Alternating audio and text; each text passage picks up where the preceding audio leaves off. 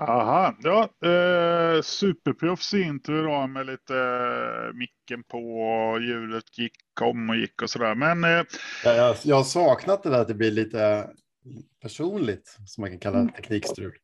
eh, absolut, eh, liksom så här framtidens svar på liksom det här med parterna, att det är liksom, eh, ja det är inte perfekt, det är långt ifrån perfekt. Eh, eh, men imperfektion är också ett tillstånd. Det är ju torsdag och eh, det är i alla fall ett faktum. Och klockan är 12.01. Jag heter Johan. Patrik heter jag. Och vi har två gäster eh, som heter. Rosa från eh, Forskningsdatabiblioteket. Och Marianne från eh, Research Support Office eller forskningsstöd. Du Rosa har ju varit med oss förut. Du var med i, var det, i vintras kanske och pratade om open och fair data. Mm. jajamensan.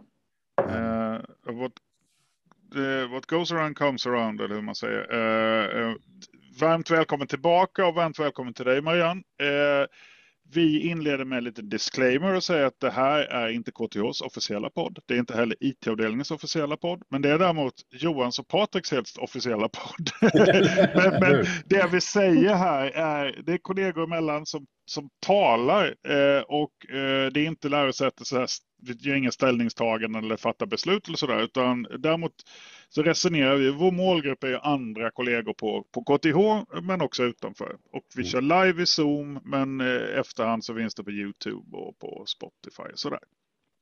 Så, eh, Rosa, du brukar vara med i chatten och så, så vi tar ju jättegärna emot eh, frågor. Sitter ni och lyssnar och är intresserade av ja, hela forskningsområdet egentligen, eller digital, digitala arbetssätt, så det är bara delta, så blir det mer spännande. Ja, eh, vi, vi, vi agerar ju glada frågeställare och sådär naturligtvis, men, men den riktiga eh, friktionen uppstår ju liksom när någon som verkligen eh, är inne i ett område och har en, liksom en tanke. Så att eh, alla frågor är välkomna och det finns inga dumma frågor såklart, förutom de som inte ställs, för de är, de är dumma. Eh, men eh, vi har ju faktiskt hängt lite här under hösten i workshoppar. Vi kommer till det, men, men anledningen till att jag och Patrik och faktiskt, vi hade fler kollegor från IT-avdelningen, hängde med er på, på workshopen, det är ju att ni har börjat titta på, eller inventera eller behovs, in, behovsmappa eh, eh, forsk, behovet av forskningsstöd, eh, eller stöd till forskare. Eh, kan ni berätta lite, eh, liksom, hur kom det sig? Och vad är forskningsstöd? Ja. Oj, många frågor. Du börjar Rosa så hänger jag på.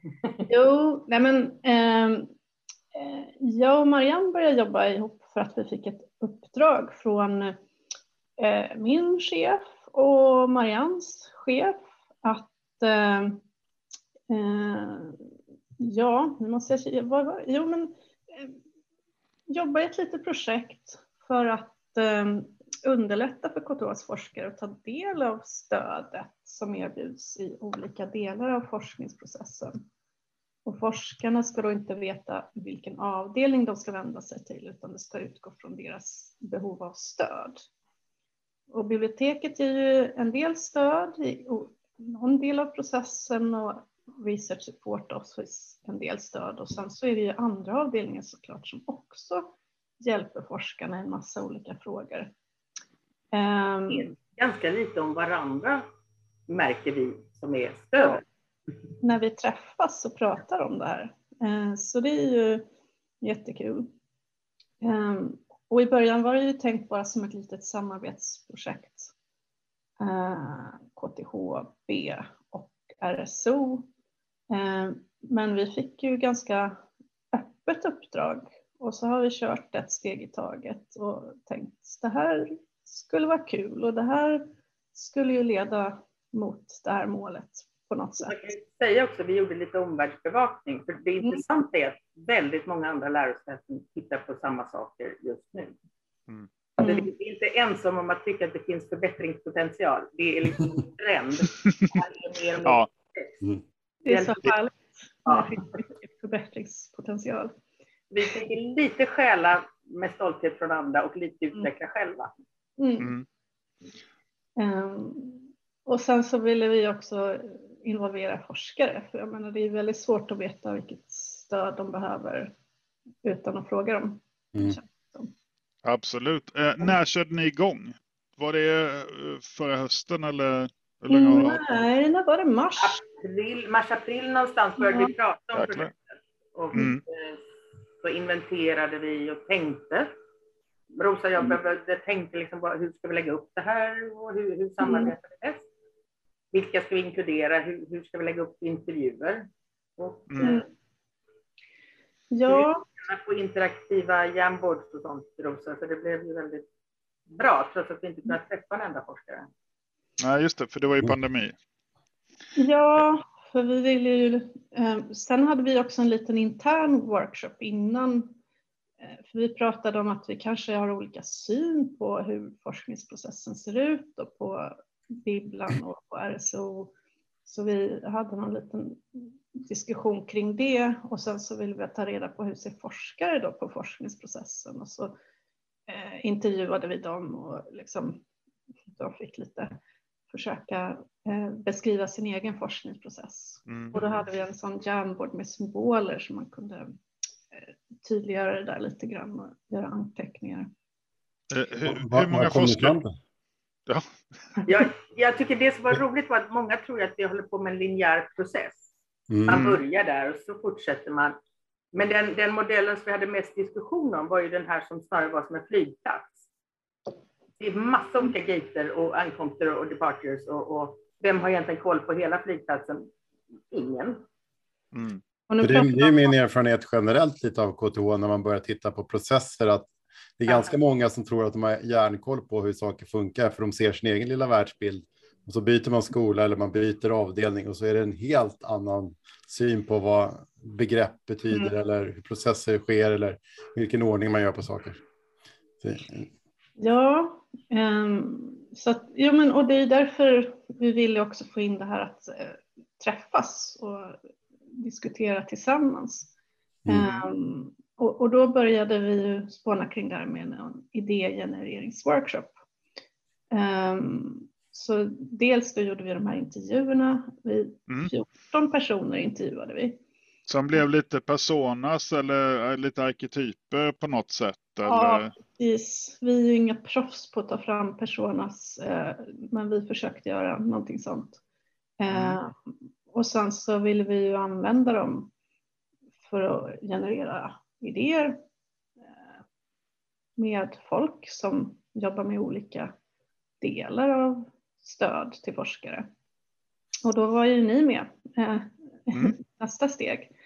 Eh, vi kanske kände igen arketyperna någorlunda, olika återkommande ja. frågor.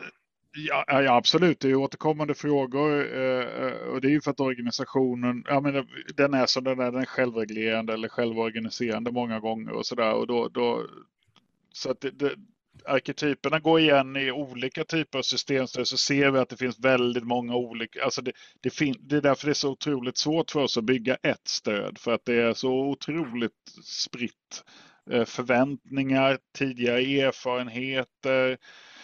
Ehm, så att eh, även kanske hur IT-orienterad man är då när man tittar utifrån vårt perspektiv. Men, men ni fick ju jag såg ju, eller vi såg ju de här eh, liksom av, de, de var ju anonymiserade de här personerna eller typerna som fanns. Men det, och det är väldigt eh, utmanande att eh, här, möta allas behov. Man får börja någonstans så är det ofta eh, och, och liksom börja där. Och, så ni gjorde ju intervjuer och ni gjorde dem med hjälp av olika eh, IT-stöd och så, så fick ni fram de här eh, arketyperna och sen så eh, kallade ni ju till, till workshops där eh, KTHB och RSO var tunga, men det fanns ju fler som var där.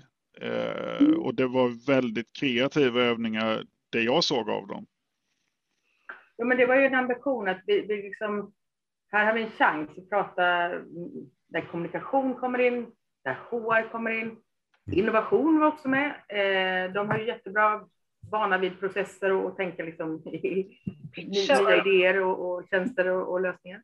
Mm. Eh, Sustainability Office, Equality Office, alla kunde inte riktigt vara med. Vi försökte dubblera så att vi hade både en fysisk och en, en, digital workshop. För att, ja, vi går ju fortfarande liksom lite tider där vi testar oss fram att träffas mer och mer.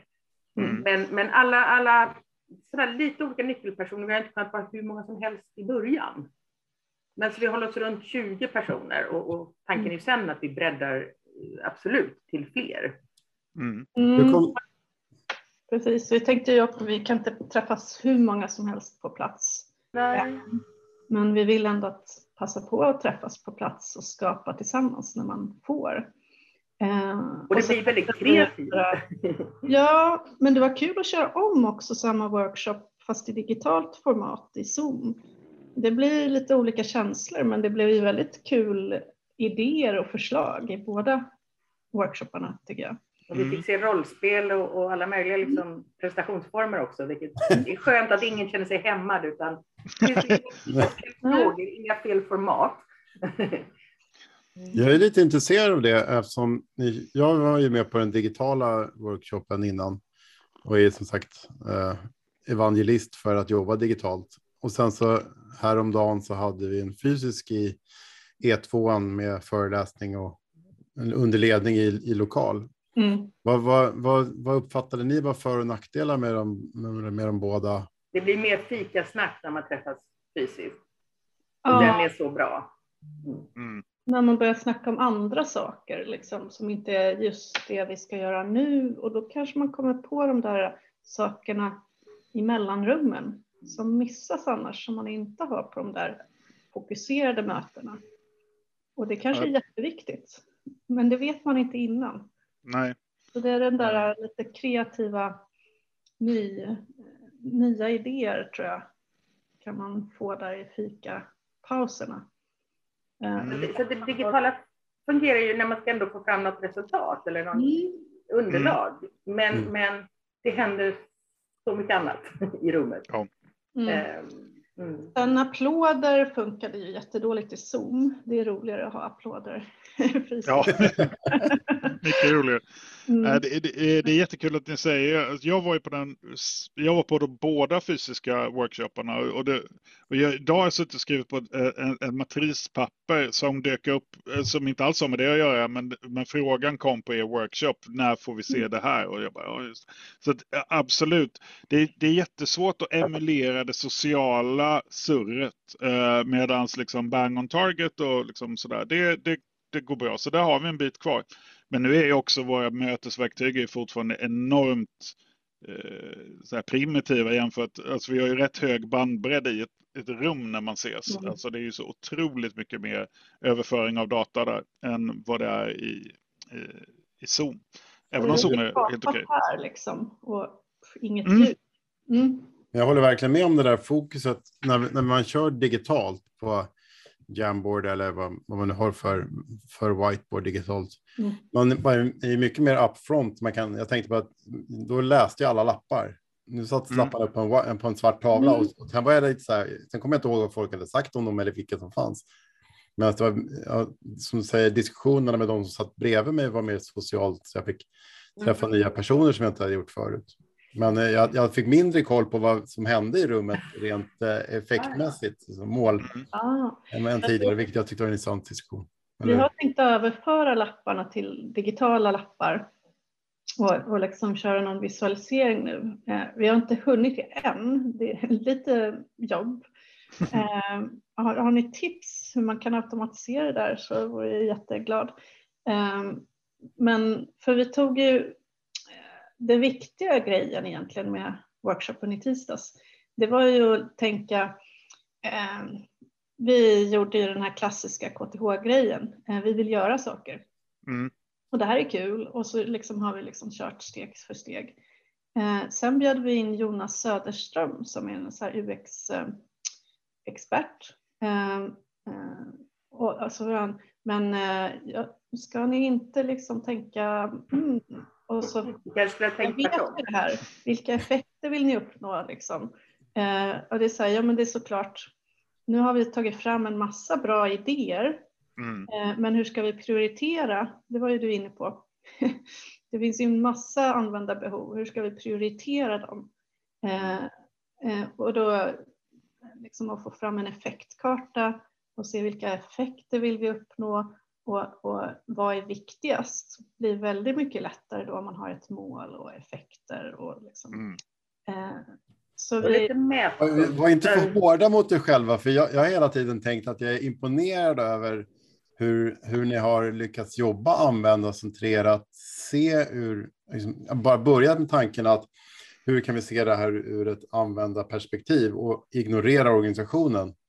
Eftersom KTH ändå är uppbyggt av att vi har ett hierarkiskt delegerat eh, ledarskap och vi har våra silos. Så att börja ändan att man tänker att nu ska vi ignorera och ändra allt här på botten. Det är ett massivt jobb. Och ett, ingen revolution. men, men jag tror att både Rosa och jag kanske har den sättet att jobba till vardags. Och, och mm. lite grann så är tanken, tycker jag, att det här det kommer komma fram till någon slags lösningar, men det är faktiskt hur vi gör det och processen som jag tror ger de stora effekterna. Mm. Att trösklarna är låga, det är flera som gör det här tillsammans. Den kulturen som kan skapas i det hjälper till att hitta lösningarna. Mm.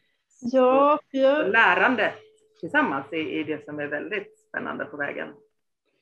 Jag tycker ändå inte KTH är så hierarkiskt på det sättet att vill man få hjälp av någon och frågar så är det ingen som bryr sig riktigt om man har gått sådär eller mm. sådär. Det finns ju en risk i det att folk som kan väldigt mycket blir överbelastade eh, och om man är snäll och hjälpsam så får man hjälpa fler. Eh, mm. Så det skulle vara bra att ha en annan struktur för det där kanske. Men... Jag menar just att vi, vi, vi har diskuterat det många gånger även på era workshoppar att Mm. Man är, vi är ofta hjälpsamma, men det är, det är, inte så klart hur man ska göra saker. För vi, de här, hur, hur det går mellan alla hjälpsamma avdelningar som vill göra, hjälpa till på sitt sätt, det är inte så, så klart för att vi har inte den mm. synen utifrån. Så jag menar inte att vi, vi, vi är elaka människor på KTH, för det tycker jag verkligen inte vi är. mm. Uh, nej, men det är väl lite det att man har jobbat så där hyperfokuserat i de här stuprören och det var ju lite det vi ville liksom få att, ja, men vad har vi för övergripande mål då? Och vad är det egentligen vi vill uppnå? Mm. Och, och, vilka behöver göra det då? Men det kanske är någon härifrån och härifrån och härifrån um, egentligen som behöver jobba tillsammans. Um. Det där är ju, jag samordnar ju ett tvärfunktionellt team nu mm. uh, och det är ju jättekul för då ser man ju liksom man, andras frågor också. Så man inte blir så himla stuprörig. Nej, och eh, hela, eh, men orsaken till att ni kör det här det är just att alla är ju inte anställda av KTH sedan 15 år tillbaka. Har lärt sig var de här kunskaperna och de här viktiga, bra, schyssta personerna finns. Utan man, det är ju en enorm hinderbana och man vet inte ens i vilken riktning man ska springa. Liksom. Utan, för det, när jag, ni har ju kommit fram till, eller deltagarna kom fram till ett antal så här tänkbara vägar framåt eller förslag i någon mån. Kan ni berätta lite om vad det var för typer av förslag? Vad är det man tror skulle hjälpa våra forskare? Eh, och det är ju viktigt också att konstatera forskning är ju liksom, det är ju en, det är vår viktigaste eller vår största del av KTHs verksamhet är ju forskning. Eh, ja, måste, jag, jag kikar på bilder nu från workshopen, det är därför jag mm. zoomar ut lite. Um, Man kan väl säga att det handlar ju både det som vi allihopa har pratat om, att navigera, att hitta. Mm. Och då kanske vi ska komma bort från det här, man kan inte klaga på intranätet, att det finns ju där, men ja. folk hittar inte in och sådär. Mm. Så, så, att hitta någon lösning om, om att, mm. Eh, och då kan det handla om gränssnitt. Hittar ja. man kanske någon helt annanstans. För det, man det handlar hitta... om att paketera information. Det Ja, precis. Men det är inte bara information, alltså det, det är egentligen så att man skulle behöva liksom någon metainformation om vilka, vilka mm. informationer, vilka personer, vilka system, vilka faciliteter finns det. Eh, sådär. Och hur häng, liksom, vad av det, allt detta som finns är relevant för mig i min nuvarande situation eller med min nuvarande fråga. Det, det, och där, det var ju också utgångspunkten i många av de förslagen som kom fram var ju olika sätt att förpacka alla dessa eh, objekt. Trattar. Ja, trattar. lotsar. Mm. Men det som jag tyckte var väldigt roligt var ju, först fick man ju då skriva på lappar eh, eh, saker som Eh, jag som forskar stödjande personal eller som forskare eh, skulle vilja se eh, var bättre på något sätt, eh, på ett mätbart sätt och följa upp om ett halvår. Eh, för då är det lite så här, vad har blivit bättre om ett halvår? Eh, för mig då som person i min upplevelse. Och det var ju dels det här att det är lättare att hitta rätt, man har en överblick över det stöd som finns. Eh, men sen så var det ju väldigt mycket som klustrar till att vi behöver samarbeta bättre då, eh, för att uppnå den där mm. bättre överblicken och sådär. Eh, så, och sen så då upplevelsen hos kanske forskaren då av mindre frustration och minskad stress och en ökad mm. någon slags trygghet eller säkerhet att man har fått rätt stöd. Så just det här att inte i varje fall bli omkull, alltså inte, inte omkull, men vidare befordra lite KTH-kull liksom, mm. till nästa station. För vi, vi har inte hela bilden, någon av oss ofta. Eh, Nej.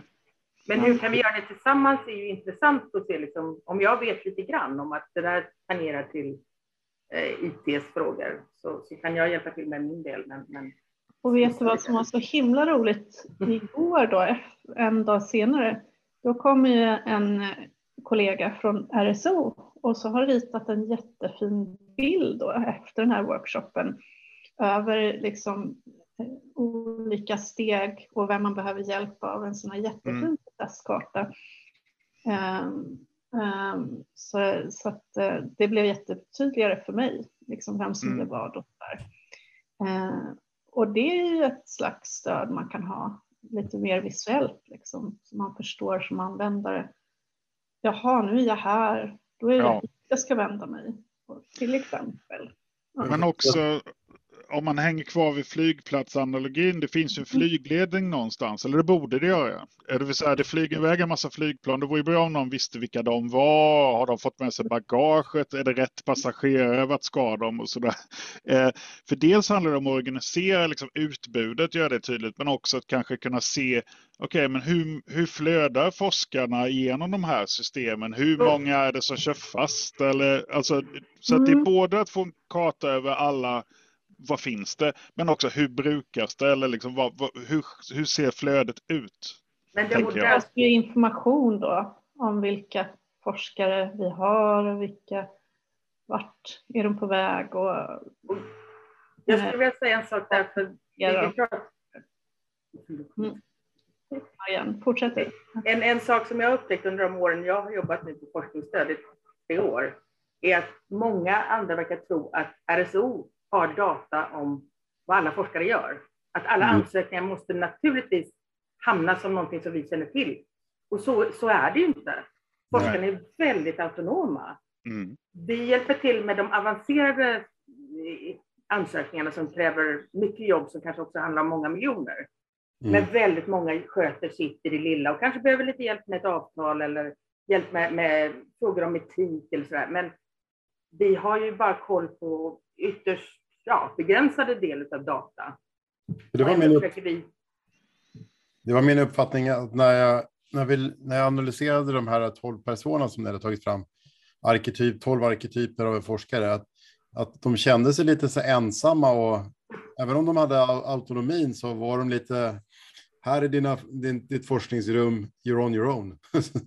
Gå, spring och forska. Och, och andra säger så här, hjälp mig få pengar och sen låt mig vara. Det, liksom, mm. det finns både och. Jo, men precis. Men eh, det var också någon som pratade om väldigt positivt om stödet och så där. Men sen eh, upplevde jag lite att det är ju väldigt lätt att komma på vad man saknar. Brister eh, sådär. Eh, men det som funkar märker man ju inte för det bara flyter på. Eh, så man ska ju tänka på det som inte kommer upp. Det kanske är sånt som redan funkar bra. Som man inte märker att man har som stöd. Så, jo, så, så brukar det ju vara. Att mm. Feedback man inte får, det, det är ett tecken på att saker funkar bra. Mm. Mm, ja, eh, absolut. Det kom en liten fråga här från Rasmus Kaj. Någonstans borde väl finnas någon sorts publik presentation av alla forskningsprojekt som drivs på KTH. Vore ju en bra del av tredje uppgiften också kanske. Säg att det är på gång. Vi har ju pratat lite grann om att det där vill vi se att det händer någon slags databas mm. eller någonting. Mm. Och, och, jag vet ju att andra lärosäten har ju något liknande, Chalmers och så vidare. Mm. Så det finns ju en prototyp kan man väl säga. Mm. Men det, det gäller ju att ha data då av bra kvalitet.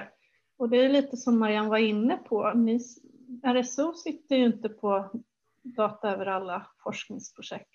För ni hjälper inte alla med finansiärer. Och så finns det ju den här forskningen som bara bedrivs av basanslag. Då mm. är det ju ingen extern finansiär som liksom har ett ansökningsnummer som man kan koppla projektet till. Så det är inte helt lätt. Men det finns på... publika datakällor som vi kan använda oss av. Nu har jag varit på KTH så länge så jag, jag, tror att jag har varit med om två sådana försök till att samla forskningsprojekt och relationer mellan vem som är bidragsgivare och, och så vidare.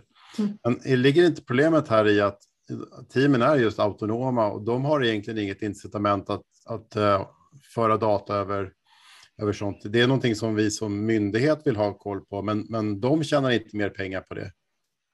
Nej, inte just projekten, men uh, någonting vi har koll på i publikationer, det som är output då från forskningen.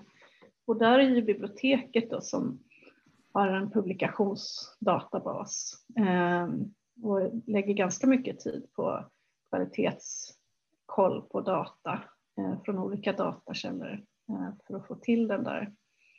Eh, och det utvärderas ju också och mäts. Hur många publikationer har KTH? Mm. Hur högt citerade är de och sådär. Um, men sen har vi ju en annan sak som är ganska ny eh, som heter CASE, ett ärendehanteringssystem. Tråkigt, de flesta kanske inte alls har någon aning om att det här finns, men det, det underlättar för alla handläggare och det är mm. ett jättesamarbete mellan RSO centralt eh, och skolorna. Och, och, jag tror att det kanske kan vara en, ett steg på vägen. Alltså, bara ja. med att vi har ett gemensamt flöde så kan vi se och därifrån kan man dra lite statistik. Och då Just. blir man bättre nästa gång. Aha, ni gjorde så, ni hade det mm. avtalet. Då kommer liksom, jag tror att forskare kanske så småningom upptäcker att någonting går lite smidigare, bättre, alla förstår lite mer. Eh, mm. ja. Sen vill man ju gärna presentera sina projekt. Många gör ju det på sina personliga hemsidor.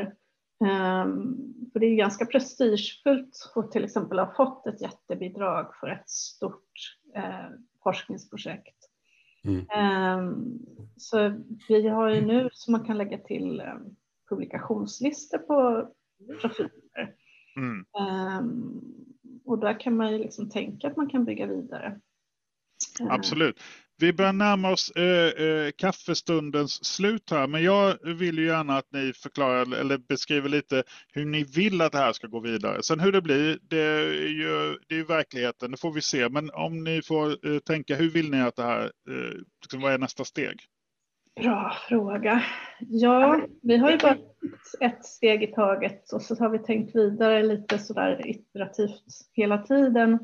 Så vi har ju börjat fundera på Eh, jag har tänkt så här att nu har vi ju eh, tagit fram lite mer mätbara effekter och det ska vi bolla med vår, våra uppdragsgivare. Vad av det här är viktigast? Och så har vi fått nu fina förslag från er alla i workshopen. Om vi då på något sätt prioritera det här är ju ändå rimligt att göra under nästa år för att nå den här effekten inom befintliga resurser då i ramen. Mm. Vi får ju inga extra pengar. Det här är ju ett litet sidoprojekt som inte har fått ta mer än en, två timmar i veckan max för oss. Så mm. det här är ju liksom en liten grej egentligen. Um, men, men så att tanken är ju att det ska bli konkreta åtgärder nästa år av det här. Och det vill ju och jag skickar in då två konkreta saker som man kan då, om man har lyssnat på det här eller vill vara med. Eh, det ena är att vi, vi kommer ha en RSO-dag, fast vi kan kalla det forskningsstöd i allmänhet, den första december på Teknikringen 1. Där kommer Rosa och jag vara för att kunna ta emot frågor och prata vidare om det här. Och sen så tänker vi också att vi öppnar en Slack-kanal som bara heter Research Support. och så kan man ösa in frågor där så kan vi ta och skörda dem. Tills dess vi vet liksom hur öppnar vi upp det här för fler. Så det ja. håller vi fortfarande på att tänka på. Så vi vill involvera fler och gärna forskarna själva såklart ja. i vad som de tycker är viktigast att förbättra. Um, så det är nästa steg på något sätt. Vi har inte tänkt färdigt än. Nej, men det är, det är en iterativ process. Ja, det låter jättebra. Jag tror i alla fall att ni kommer lyckas eftersom ni vågar lyssna och, och ta eh, lärare från, eh, från era användare. Det är enda sättet som man tillsammans kan eh, komma fram till vilka pain points man har och förstå vad som driver forskarna. Och om man då får ett joint venture däremellan så kommer ni få in eran, eran struktur i det här också. Så det, en, en applåd för bra, bra tankebanor hos er. Verkligen, och suveräna workshoppar. Eh, att ni har gjort det här liksom med väldigt lite resurser, det, det märks inte faktiskt i genomförandet. Och jag, jag, tror liksom ni skapar en community där, så det, det här kommer gå att uh, jobba vidare med. Men, men som sagt, fortsättningen får ske Slack och på RSO-dagen då. Uh, och man kan ju direkt kontakta er om man undrar liksom lite vad är det för personas eller vad, vad finns det för tankar och idéer. Uh, det är helt det är ju väl dokumenterat. Jajamän. Ja. Mm. Och vad sa du att Slack-kanalen hette? Det heter bara Research Support och jag hoppas Johan kan dela en länk eller ja. Vi kirrar det. Hörru, vad roligt att ni var med. Ja. Kul att få vara med igen. Ja, vi återkommer gärna sen när ni har kommit lite längre. Det var jättekul. Ja, verkligen, verkligen. Ja, men sex månader senare, om det faktiskt har gett någon effekt. Det är väl Eller det. hur? Mm. Det är lite upp till oss allihop och se till att det blir effekt också. Så att, eh, ja, men eh, konversationen fortsätter. Ni får ha en fin fortsättning på torsdagen. Tack. Hej. Och tack till er som lyssnade. Tack till er som ställde frågor. Ja, tack, tack. Hej, hej. Puss och kram.